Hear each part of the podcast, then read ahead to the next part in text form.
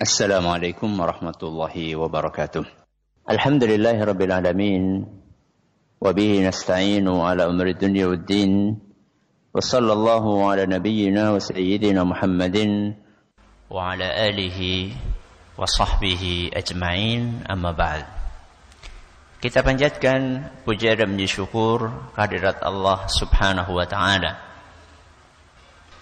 Kita masih kembali diberi kekuatan, kesehatan, hidayah serta taufik dari Allah Subhanahu wa taala sehingga kita bisa kembali menghadiri pengajian rutin.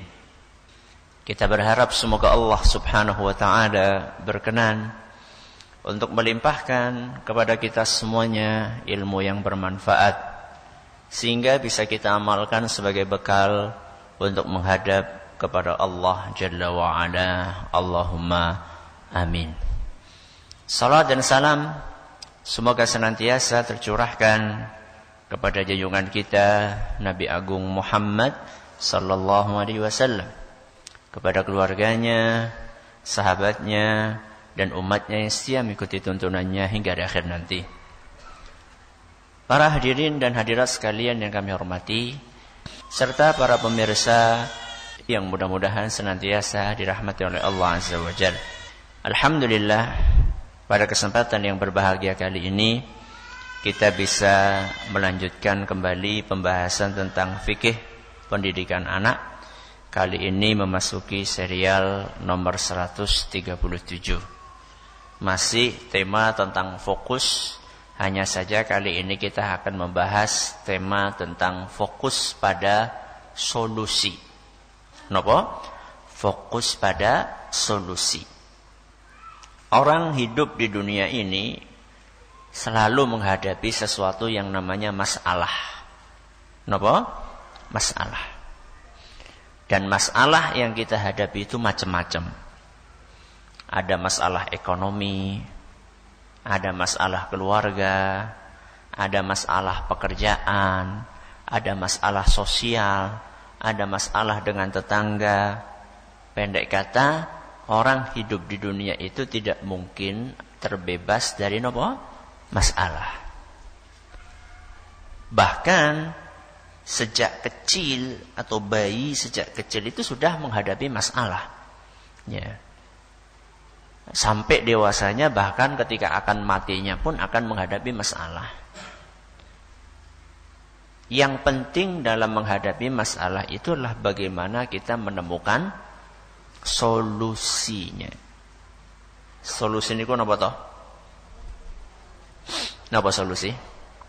Jalan keluar. Bagaimana kita bisa menemukan jalan keluar dari masalah yang kita hadapi? Nah, jalan keluar itu bukan asal jalan keluar, bukan. Tapi jalan keluar yang tepat. Jalan keluar yang tepat. Kalau asal jalan keluar, itu bisa saja nanti menyelesaikan masalah dengan dengan masalah baru. Ya. Ibarat tutup lubang gali lubang. Kita pengen bagaimana kita bisa menyelesaikan masalah yang betul-betul selesai masalahnya. Tidak kemudian menimbulkan masalah baru yang mungkin malah lebih besar dibandingkan masalah yang pertama. Nah, kepandaian untuk menemukan solusi dari sebuah masalah itu tergantung kedekatan kita kepada Allah Subhanahu wa taala. Makanya apa kata Allah dalam Al-Qur'an? Wa may yattaqillaha yaj'al lahu makhraja.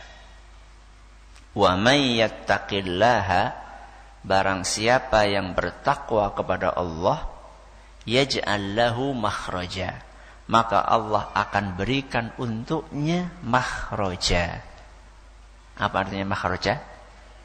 Jalan keluar. Jalan keluar nopo? Jalan keluar dari masjid. Jalan keluar dari masalah yang dihadapi. Berarti syaratnya supaya orang bisa nemu jalan keluar napa wau? Bertakwa. Ya. Barang siapa yang bertakwa, maka Allah akan berikan jalan keluar. Jadi kalau orang pengen pinter menemukan jalan keluar, masalah yang dia hadapi, maka cara syarat yang pertama harus tak takwa. Nopo takwa niku? Takwa yang menjalankan perintah Allah terus menjauhi larangannya. Maka kalau kita ada masalah apa pun masalahnya, mau masalah ekonomi, mau masalah keluarga, mau masalah anak, mau masalah pekerjaan, mau masalah uh, dengan tetangga, pokoknya langsung dicek perintah agama mana yang ditinggalkan atau larangan agama yang mana yang dilanggar. Sudah gitu aja. Jadi kalau kita ada masalah terlilit utang, ada masalah dengan tetangga nggak selesai-selesai, anak susah diatur, istri dinasehati, jawab, yeah itu segera introspeksi, bukan malah nyalahkan istri. Ya. Segera apa ya kewajiban yang saya tinggalkan, apa maksiat yang saya kerjakan. Seandainya kita segera introspeksi, bukan malah mencari kambing, kambing hitam menapa kambing belang-belang. tidak segera mencari eh, kalau kita malah mencari kambing hitam maka saat itu nggak akan selesai masalah. Maka segera introspeksi diri. Jadi ini yang pertama. Orang akan pandai menemukan solusi masalah ketika dia bertakwa takwa itu adalah menjalankan perintah menjauhi larangan sudah yang kedua ini yang akan kita bahas hari ini. Yang kedua adalah latihan mencari solusi. Nopo? Latihan mencari solusi. Orang itu di dunia ini selalu menghadapi masalah. Dan ketika Allah memberi masalah, Allah beri kita otak. Allah beri kita akal. Dan ini adalah kelebihan manusia yang tidak dimiliki oleh oleh nopo? Oleh hewan. Hewan punya akal apa betul?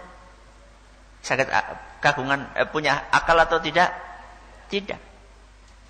Hewan itu cuma dikasih nopo Bu? Insting. Nopo? Hewan itu cuma dikasih insting.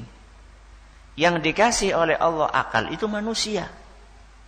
Nah, saat Allah Subhanahu wa taala memberikan masalah kepada kita, maka Allah bekali kita dengan akal. Untuk apa akal tersebut? Genopo? Akal genopo? Kemikir. Memikirkan apa solusinya. Non sewu nggih, eh, ini intermezzo. Nun sewu ibu-ibu nggih. Eh, perbedaan antara laki-laki dengan wanita nopo? Banyak. Perbedaannya banyak. Salah satunya kalau laki-laki itu lebih banyak main logika, akal kalau perempuan lebih banyak main perasaan. Bukan berarti laki-laki nggak punya perasaan dan perempuan nggak punya akal, bukan. Bukan seperti itu. Ya, saya ulangi. Perbedaan laki-laki dengan perempuan, laki-laki itu lebih dominan apa tadi? Logika atau akalnya Kalau perempuan lebih dominan perasaannya. Ya perempuan punya akal, cuman kadang-kadang kalah dengan perasaan. Laki-laki juga punya perasaan, tapi sering kalah dengan logikanya. Ya. Contoh misalnya ini sering saya sampaikan. Kompor jeblok. Kompor apa? Jeblok. Apa yang dilakukan oleh laki-laki, apa yang dilakukan perempuan? Ibu-ibu nek wonten kompor jeblok pripun, Bu? Nangis. Tulung-tulung ya. Ki kepriwe, kepriwe gitu kan. Kalau laki-laki apa yang dilakukan? Pada baik, loh, pada baik sih kepriwe. Laki-laki apa yang dilakukan? Langsung berpikir solusi. Apa ya? Langsung boleh kandi badannya kandi akan banyu terus ditutupaken itu bedanya ya jadi yang namanya mencari mas, mencari solusi dari sebuah masalah itu perlu latihan latihannya itu sejak kecil latihannya sejak kecil ya. anak kita Punya masalah atau tidak? Punya masalah atau tidak? Punya. Biasanya anak kalau punya masalah pergi ke siapa? Pergi kepada orang tuanya. Bapaknya atau ibunya. Kemudian cerita masalah. Oh tadi saya di sekolahan kayak gini. Oh tadi saya di jalan mengalami kondisi seperti ini. Ada masalah ini dan itu. Orang tua yang cerdas itu tidak langsung kasih solusi. Tidak langsung kasih nasihat gini gini gini enggak. Tapi orang tua yang cerdas adalah berusaha mengajak anak untuk menemukan apa? Solusi. Orang tua yang cerdas itu bukan memberikan ikan yang sudah matang, tapi memberikan apa? pancing. Memberikan pancing yang bisa dia gunakan untuk memancing ikan. Itulah orang tua yang cerdas. Kalau kita termasuk tipe orang tua yang gak sabaran, ada masalah langsung kita harusnya gini, harusnya gini. Itu dampak buruknya sekurang-kurangnya ada dua. Ya, kalau kita terbiasa nyuapi solusi, Ya, anak itu cuma disuapi, disuapi, disuapi, nggak disuruh untuk berpikir. Itu akibatnya minimal ada dua. Yang pertama, nasihatnya ditolak sama anak. Ditolak sama anak. Misal anak itu ada kelahi sama temennya di sekolahan. Kemudian kita langsung salahkan kamu nih harusnya kayak gini. Anak ketika datang-datang cerita, pengen dibela atau pengen disalahkan? Pengen dibela. Tahu-tahu kamu tuh harusnya kayak gini, kayak gini. Kira-kira anak menerima atau menolak? Menolak. Ketika anak menolak nasihat kita, kira-kira jenengan jengkel apa mboten? Jengkel apa mboten? Pada. Marah kita. Mau kamu bocah wingi sore ngerti apa? Mau diomongi kok malah ngeyel. Akhirnya terjadilah tukaran anak dengan siapa? Orang tua kan tambah masalah lagi. Wong mau wis tukaran karo kancane siki malah ketambahan tukaran karo wong tuane. Akhirnya nggak akur. Ini akibat yang pertama. Akibat yang kedua, anak menerima solusi kita. Tapi akhirnya dia menjadi tergantung dengan orang tuanya. Apa-apa orang tua, apa-apa orang tua. Sampai dia itu nggak bisa punya kemampuan untuk menyelesaikan sendiri masalah. Bahkan kadang-kadang ada sebagian anak, saking tergantungnya sama orang tua, sudah kuliah pun mau milih baju itu tanya sama siapa? Orang tuanya. Maksudnya warnanya apa gitu ya. Padahal dia sudah kuliah. Sampai mutuskan warna baju pun dia harus konsultasi sama siapa orang tuanya. Kuliah yang Jogja, nelfon mau Prokerto. Ya. Bu ini saya mau beli baju, kira-kira mana yang lebih bagus ya warna ini atau ini? Kenapa? Karena sejak kecilnya dia tidak terbiasa untuk dilatih menemukan solusi dari masalah yang dia hadapi sendiri. Dari kecil orang tua terbiasa untuk menyuapi, menyuapi, menyuapi. Ya Ustadz, anak kan memang belum sempurna cara mikirnya. Ya mestinya kan harus kita bantu. Iya kita bantu. Yang namanya membantu itu tidak harus disuapi, disuapi tidak. Tapi kita ajak anak untuk berpikir. Ya. Maka saya sebutkan di sini. Melatih bimbingan orang tua untuk anak agar selalu fokus kepada solusi bukan kepada masalah itu penting. Pentingnya apa? Pentingnya anak tidak tenggelam dalam masalah. Dia akan berusaha untuk memikirkan jalan keluarnya apa. Kalau sejak kecil kita biasakan seperti itu, misal anak uh, distrap, anak nopo disetrap, dihukum sama siapa? Sama Pak Guru. Gara-gara PR yang dikerjakan tidak tidak selesai. Harusnya 10 nomor, ternyata cuma dikerjakan berapa? Dua nomor sedikit teman. Separuh lah. ya. 10 nomor cuma dikerjakan berapa? 5 nomor. Akhirnya di strap sama Pak Guru.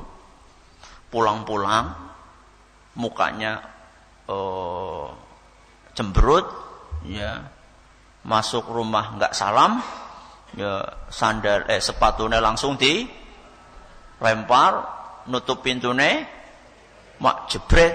Jadi sih ngerti temen bu. ya. Akhirnya pokoknya intinya suasananya sedang nggak enak lah.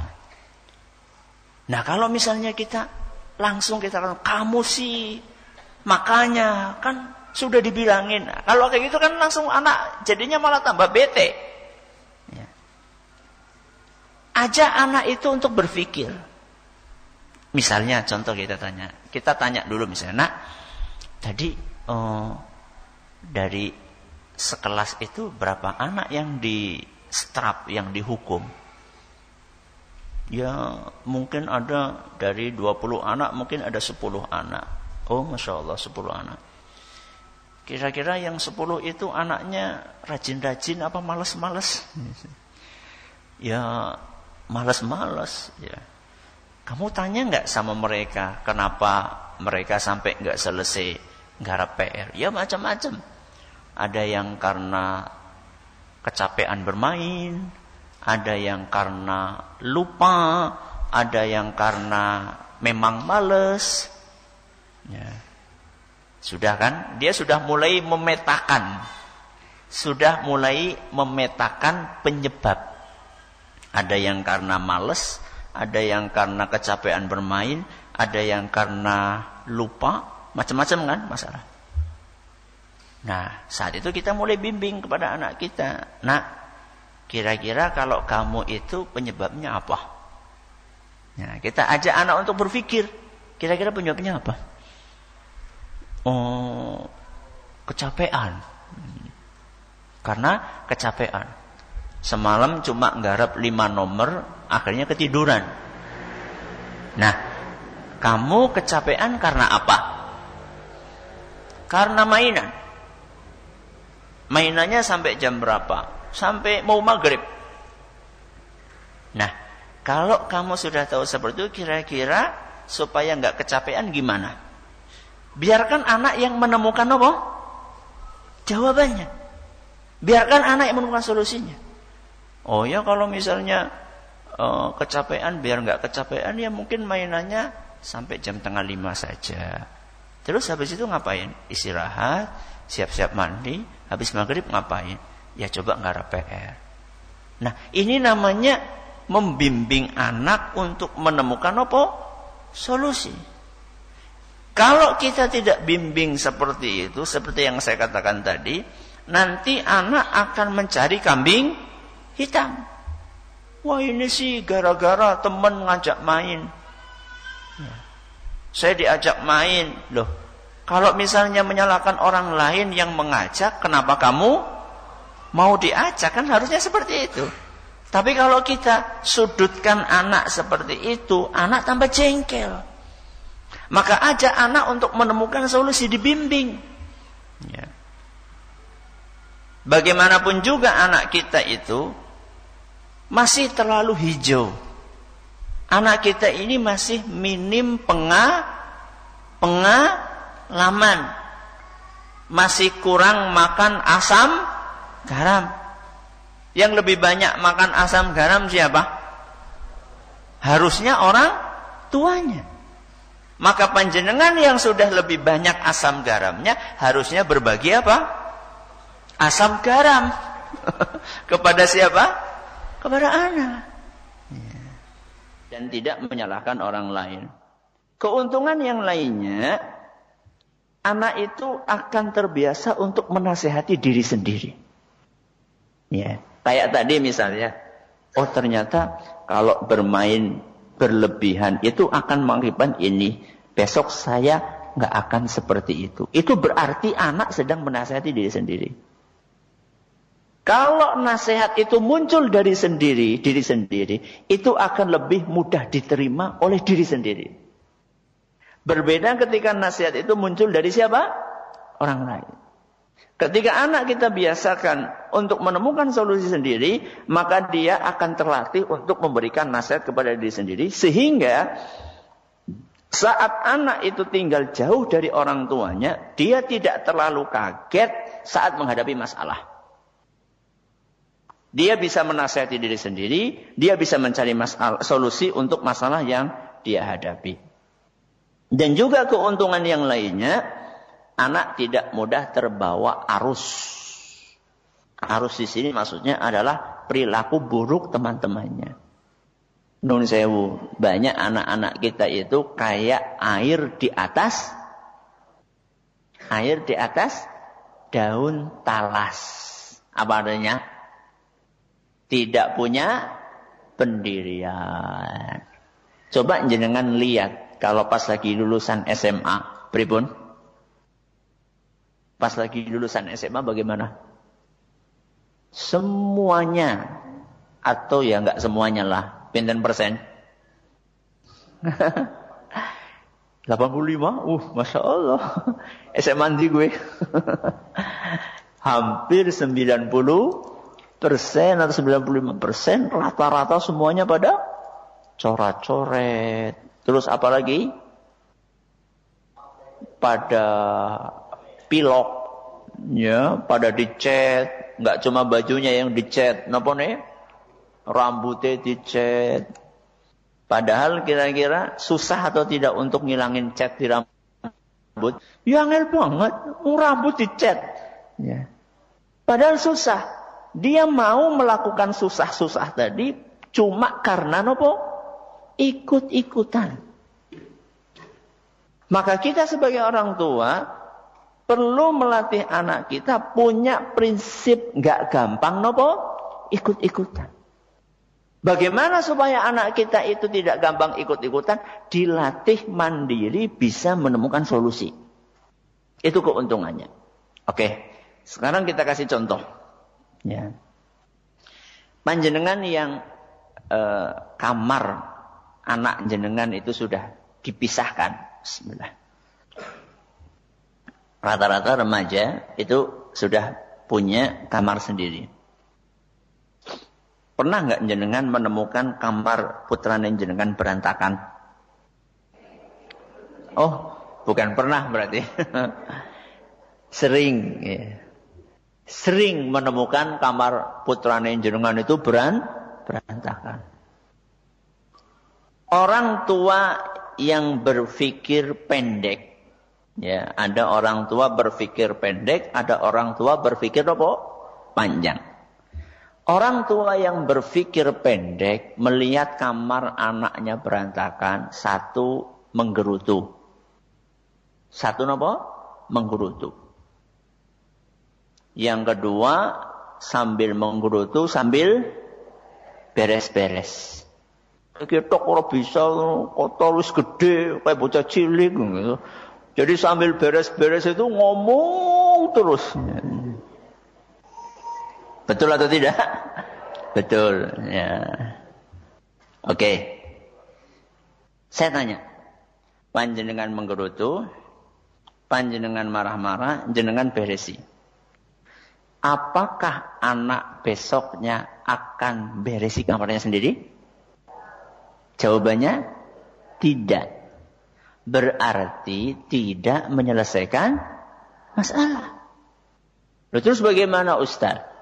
Coba jenengan pikirin.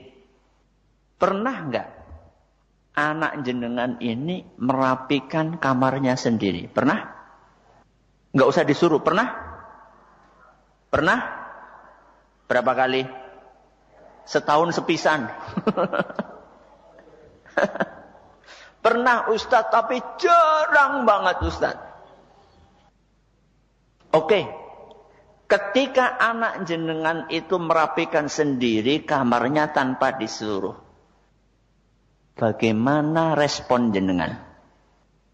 Apakah cuma nengok, oh ya tumben. Atau saat itu jenengan apresiasi. Kalau jenengan cuma melihat sekilas kemudian tumben, ini berarti jenengan bukan tipe orang tua yang baik. Terus bagaimana orang tua yang baik? Anda harus apresiasi. Anda harus hargai kesadaran anak sekecil apa pun. Karena itu modal yang sangat berharga untuk membangkitkan kesadaran-kesadaran berikutnya. Ya. Terus apa yang mesti kita lakukan? Yang kita lakukan adalah tegel-tegelan. Napa? Tegel-tegelan. Apa tegel? Tega. Tega-tegaan. Tega gimana Ustaz? Tega membiarkan kamar anak jenengan berantakan. Wah, priwe Ustaz? Iya. Supaya apa? Supaya anak bisa belajar akibat apa yang dia lakukan. Oke. Anak pulang sekolah, mak bleng, bleng, buang sana, buang sini, numpuk sana, numpuk sini, mak jajan, plong, masukkan ke mana? Kolong. Ya. Biarkan. Biarkan sampai anak bisa merasakan tidak enaknya kamar berantakan. Contoh apa tidak enak kamar berantakan? Satu, sulit nyuli, sulit nyari barang. Buku matematika bingung nengendi, goleki. Sepatu kurang siji kaos kaki selen. Ya, siji biru, siji kuning. Biarkan dia pusing. Biar kan dia pusing mencari barangnya gara-gara kamar dia yang berantakan. Satu ini contohnya. Contoh yang kedua, biarkan dia malu. Ada teman datang, diajak ke kamar, temannya, wih, ini kayak kapal apa? Pecah. Jenengan gak usah malu. Wah, kok ya diomong nong tanggane kepriwe. Jenengan gak usah malu. Ya. Gak usah malu kemudian maksud, maksudnya jangan bukan berarti jenengan gak punya rasa malu bukan. Tapi jenengan itu jangan terkalahkan dengan perasaan itu sehingga Anda tidak mendidik anak Anda untuk menemukan solusi dari masalah. Biarkan anak Anda itu merasa bahwa ini gak baik. Atau pelajaran yang lain yang bisa diambil oleh anak adalah aroma. Bau yang tidak sedap. Dari mana bau tidak sedap? Loh, kaos kaki kok. Kaos kaki setelah dipakai diuntalakan nengisor bantal. Ya. Kemudian kaos sudah dipakai dilemparin ke mana? Gantungan baju itu sudah numpuk baju kaos seminggu yang lalu. Itu kan akan menimbulkan aroma yang nopo ngeri-ngeri ngeri-ngeri sedap. Ya. Baunya nggak karu-karuan, bau dinosaurus. Ya, karena nggak tahu baunya bau apa makanya baunya dinosaurus. Biarkan anak itu merasa terganggu dengan kondisi tersebut. Nah, kalau anak sudah terganggu seperti itu, maka dia akan berinisiatif untuk merapikan sendiri. Saat dia berinisiatif untuk merapikan sendiri dan kamarnya rapi serapi-rapinya, saat itu jenengan apresiasi. Jenengan masuk ke kamarnya, Masya Allah, wangi teman. Ya. Hah, capek kata anak. Ya. Capek kata anak. Maka kita pancing. Tapi kan bersih. Iya, tapi kan capek. Eh, kira-kira uh, biar nggak capek gimana? Ya biar nggak capek ya ngerapiinnya uh, dicicil. Ya, dicicil itu maksudnya secara bertahap. Nah kalau kamu sekarang ngerapiinnya gimana? Ya ngerapiinnya tiga bulan sekali. catur bulan, empat bulan sekali, ya. Nah terus bag bagusnya kayak apa? Ya bagusnya secara bertahap. Nah itu, itulah anak soleh. Nah jadi ketika anak dilatih untuk menemukan solusi dari masalahnya, maka mudah-mudahan dia bisa mengambil pelajaran dari masalah-masalah yang dia hadapi. Inilah maksud fokus pada solusi bukan pada masalah. Ini yang dapat kita sampaikan pada kesempatan kali ini. Mudah-mudahan bermanfaat. Silakan kalau ada yang mau bertanya bisa menyampaikan pertanyaannya. Monggo. Nah, Barakallahu Jazakallah khairan Ustaz atas nasihat yang disampaikan di kesempatan pagi hari ini. Ya, semoga bermanfaat bagi kita semuanya dan kami ajak kembali bagi para pendengar yang mungkin ingin bersoal jawab. Baik Ustaz, kita akan langsung bacakan pertanyaan yang pertama datang dari hamba Allah di Purbalingga. Assalamualaikum Ustaz. Waalaikumsalam warahmatullahi wabarakatuh. Ustadz, saya mempunyai anak perempuan dan sangat berbakti kepada saya. Setelah lulus dari SMA, anak saya seketika berubah dan sering jawab ketika saya nasihati. Dan saya sering melihat anak saya sering ditelepon oleh laki-laki. Setelah saya tanya, dia jawab hanya teman saja. Apakah yang harus saya lakukan Ustadz? Apakah boleh saya melarang anak saya untuk tidak keluar dari rumah? Syukron uh, apa? Apakah boleh apa tadi? Apakah boleh saya melarang anak saya untuk keluar dari rumah Ustaz? Ngusir maksudnya? Mungkin maksudnya oh, tidak boleh keluar. untuk tidak keluar rumah. Ya, Betul ya. Ustaz. Uh, pertanyaannya tadi uh, awalnya anak perempuan ini bakti sama orang tua, tapi mulai uh, mulai tidak nurut sama orang tua. Setelah ditelusuri ternyata ada hubungan spesial dengan laki-laki. Itu bagaimana solusinya? Boleh nggak melarang anak keluar?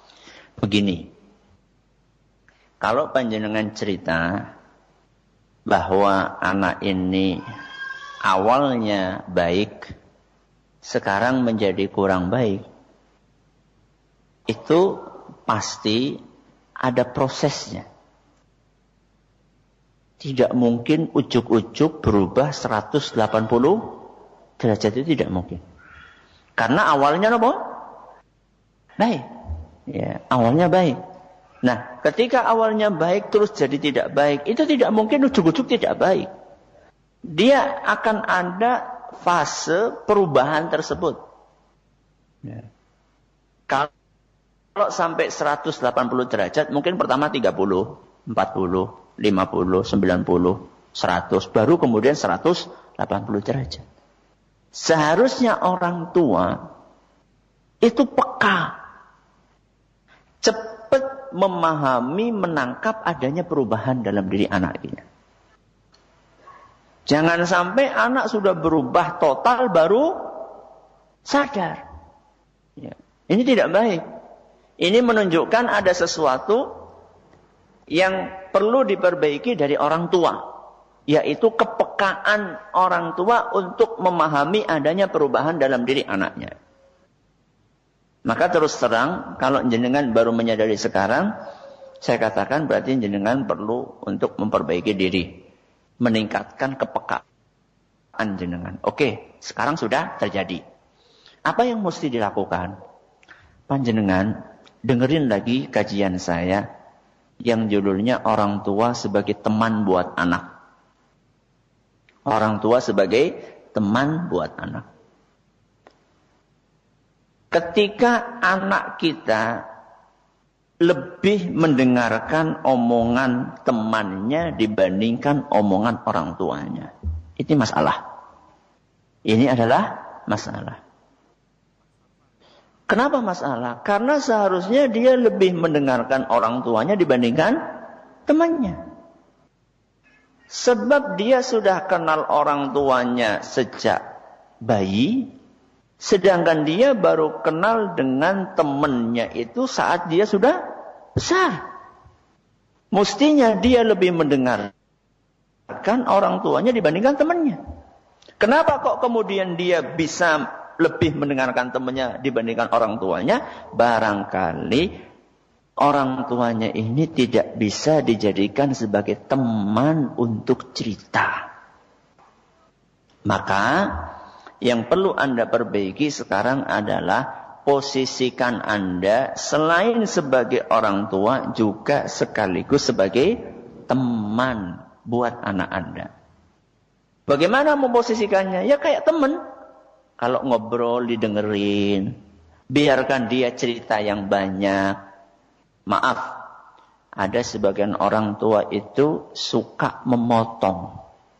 Memotong nopo? pembicaraan anaknya. Anak belum selesai ngomong sudah dipotong. Seakan-akan orang tua tahu segala sesuatu. Jangan. Kalau jenengan itu terbiasa untuk memotong omongan anak, anak itu nggak merasa dihargai nanti. Ya. Akhirnya anak itu lebih suka curhat kepada siapa? Temennya dibandingkan kepada Anda. Maka coba Anda perbaiki pola komunikasi Anda dengan anak Anda ajak anak anda itu mencari suasana lain, diajak makan misalnya bareng, diajak uh, refreshing, kemudian di tengah jalan dipancing-pancing untuk cerita, sehingga akan ketemu masalahnya. Apakah boleh melarang anak untuk keluar? Boleh, tapi anak perlu paham kenapa dia dilarang. Kalau sekedar Anda melarang, jendela dikunci, pintu dikunci, mana-mana dikunci. Kalau cuma seperti solusinya, suatu saat ketika Anda pas tidak ada dalam rumah, oh, itu kesempatan emas itu. Untuk apa? Untuk kabur. Nanti jenengan malah repot sendiri. Dibawa kabur, maaf, oleh pacarnya. Bingung jenengan. Ya. Maka Melarang anak keluar tidak apa-apa, tapi kasih tahu kenapa dia nggak keluar. Ajak anak itu untuk muncul kesadaran pribadi. Kenapa saya tidak lakukan ini? Gitu. Caranya ya tadi pendekatan, kasih nasihat. Kenapa kamu tidak sebaiknya berhubungan dengan uh, siapa? Dengan laki-laki tersebut. Ya. Eh, anak-anak sekarang itu banyak mereka terpancing dengan uh, pergaulan temannya. Ya. Yang lainnya pada punya pacar, dia belum punya pacar, merasa nopo? Merasa malu. Ya. Malah kadang-kadang ada sebagian orang tua yang malu juga anaknya nggak pacaran kan aneh. Ya. Ya Allah, Bu, putrane jenengan udah pacar, aneh temen, Iya, nyong isin banget deh. Anak wadonku rana sing boncengaken. Ya Allah, ya Rabbi. Aneh wong orang anaknya soleh, solehah kok malah merasa malu. Harusnya jenengan malu. Putri ini jenengan dibonceng sampai laki-laki yang nggak jelas. Itu harusnya jenengan malu. Dan jenengan seharusnya bangga kalau punya putra atau punya putri nggak punya pacar itu bangga. Ya, karena berarti mudah-mudahan putra putri jenengan itu dalam kondisi yang masih suci insya Allah. Oke, silakan. Pertanyaan berikutnya. Baik Ustaz, terima kasih atas nasihat yang diberikan. Selanjutnya kami beri kesempatan kepada para pendengar radio Roja di Cilengsi. Silakan. Jazakallahu khairan wa fikum atas kesempatan yang diberikan kepada kami. Dan pertanyaan pertama kami coba angkat dari penelpon yang sudah tersambung bersama kami Pak Safar yang berada di Pondok Gede Bekasi. Assalamualaikum warahmatullahi wabarakatuh, Roja. Waalaikumsalam warahmatullahi wabarakatuh. Silakan Pak langsung dengan pertanyaannya. Saya uh, Silakan. mau bertanya bercerita nih masalah dengan tetangga gitu Pak Ustaz. Jadi mohon atensinya Pak Ustaz. Jadi terjadinya udah lama Pak Ustaz. Kira-kira 4 bulan sesu, se, ini nih Ustaz. Jadinya saya sering disiramin dengan air, air maaf Ustaz, air kencing, air dahak dengan tetangga saya. Dan sebelumnya tetangga saya itu menyiram saya dengan air keras dan air air beraso dan air ini Ustaz, amoniak. Saya kadang-kadang suka juga hampir malam suka disiramin dengan air yang nggak nggak baik gitu Ustaz, air, air kotor gitu Ustaz. Dan udah saya lapor ke polisi, tapi nggak ada solusinya Ustaz. Sampai sekarang. Bagaimana tindakan saya? Ustaz, selama ini saya sedang udah dijolimin gitu Ustaz dengan tetangga saya kiri kanan itu Ustaz. Mohon atensi Ustaz. Sebelumnya saya minta maaf itu atas perkataan saya kalau kurang kurang kurang etis. Saya minta terima kasih. Assalamualaikum warahmatullahi wabarakatuh. Waalaikumsalam warahmatullahi wabarakatuh. Tafadhol Ustaz. Bagaimana menghadapi tetangga yang sering menyakiti kita? Sudah lapor kepada pihak yang berwenang, ternyata belum ada solusi. Bagaimana uh, jalan keluarnya? Sabar, doa, pindah. Napa? Sabar, doa, pindah. Ya. Sabar karena itu bagian dari ujian. Sabar karena itu bagian dari ujian. Orang itu kalau diuji kemudian dia sabar, maka dia akan mendapatkan pahala yang tidak terhitung. Innama yuwaffas sabiruna ajrahum bighairi hisab. Orang-orang yang sabar itu akan mendapatkan pahala tanpa hitungan, alias pahala yang sangat melimpah. Ini sabar. Yang kedua nopo? Doa. Allah Maha Kuasa untuk membolak-balikkan hati manusia semuanya. Inna qulubal ibadi baina asbu'aini min asabi'ir rahmani yuqallibuha kaifasha. Sesungguhnya hati manusia itu semuanya berada di antara dua jari Allah dan Allah akan membolak-balikkan hati mereka sekehendak Allah. Maka minta sama Allah yang maha membolak-balikkan hati manusia. Minta kepada Allah agar tetangga Anda mendapatkan petunjuk. Tidak ada yang mustahil jika Allah sudah berkehendak. Ya arada syai'an an yakula lahu kun fayakun. Kalau Allah sudah berkehendak, maka Allah akan sangat mudah untuk merubah perilaku tetangga Anda. Yang ketiga nopo? Pindah. Ya, pindah mencari tempat yang baru. Makanya kan orang dahulu, orang Arab dahulu mengatakan apa? Al-jaru qabladar. Sebelum milih rumah itu milih tetangga dulu. Jadi kalau jenengan mau ngontrak rumah, mau bangun rumah, mau beli rumah, sebelum memilih lokasi yang tepat, lihat kanan kiri dulu, depan belakang bagaimana tipe tetangganya. Kalau tipe tetangganya nggak baik, ngapain maksa pindah di situ? Walaupun posisi tanahnya strategis. Apa enaknya tanah strategis tapi kanan kirinya nggak enak, suka mengganggu. Maka solusi berikutnya adalah pindah ketika akan pindah itu betul-betul pastikan kanan kiri depan belakang Anda adalah orang-orang yang baik. Orang yang baik itu bukan cuma sekedar ketemu sekali langsung menyimpulkan. Ya. Orang bisa saja senyum, senyum, ngesuke, galak itu bisa. Ya, maka nggak cukup hanya sekali dua kali ketemu. Anda perlu melakukan investigasi. perlu melakukan penelitian apa betul-betul baik atau tidak. Ya, saya kira itu yang dapat kami sampaikan. Mudah-mudahan bermanfaat. Terima kasih atas perhatiannya. Mohon atas segala kekurangannya. Kita tutup dengan membaca. Subhanakallahumma wa bihamdika. An la ilaha illa anta. Astaghfiruka wa atubu. Assalamualaikum warahmatullahi wabarakatuh.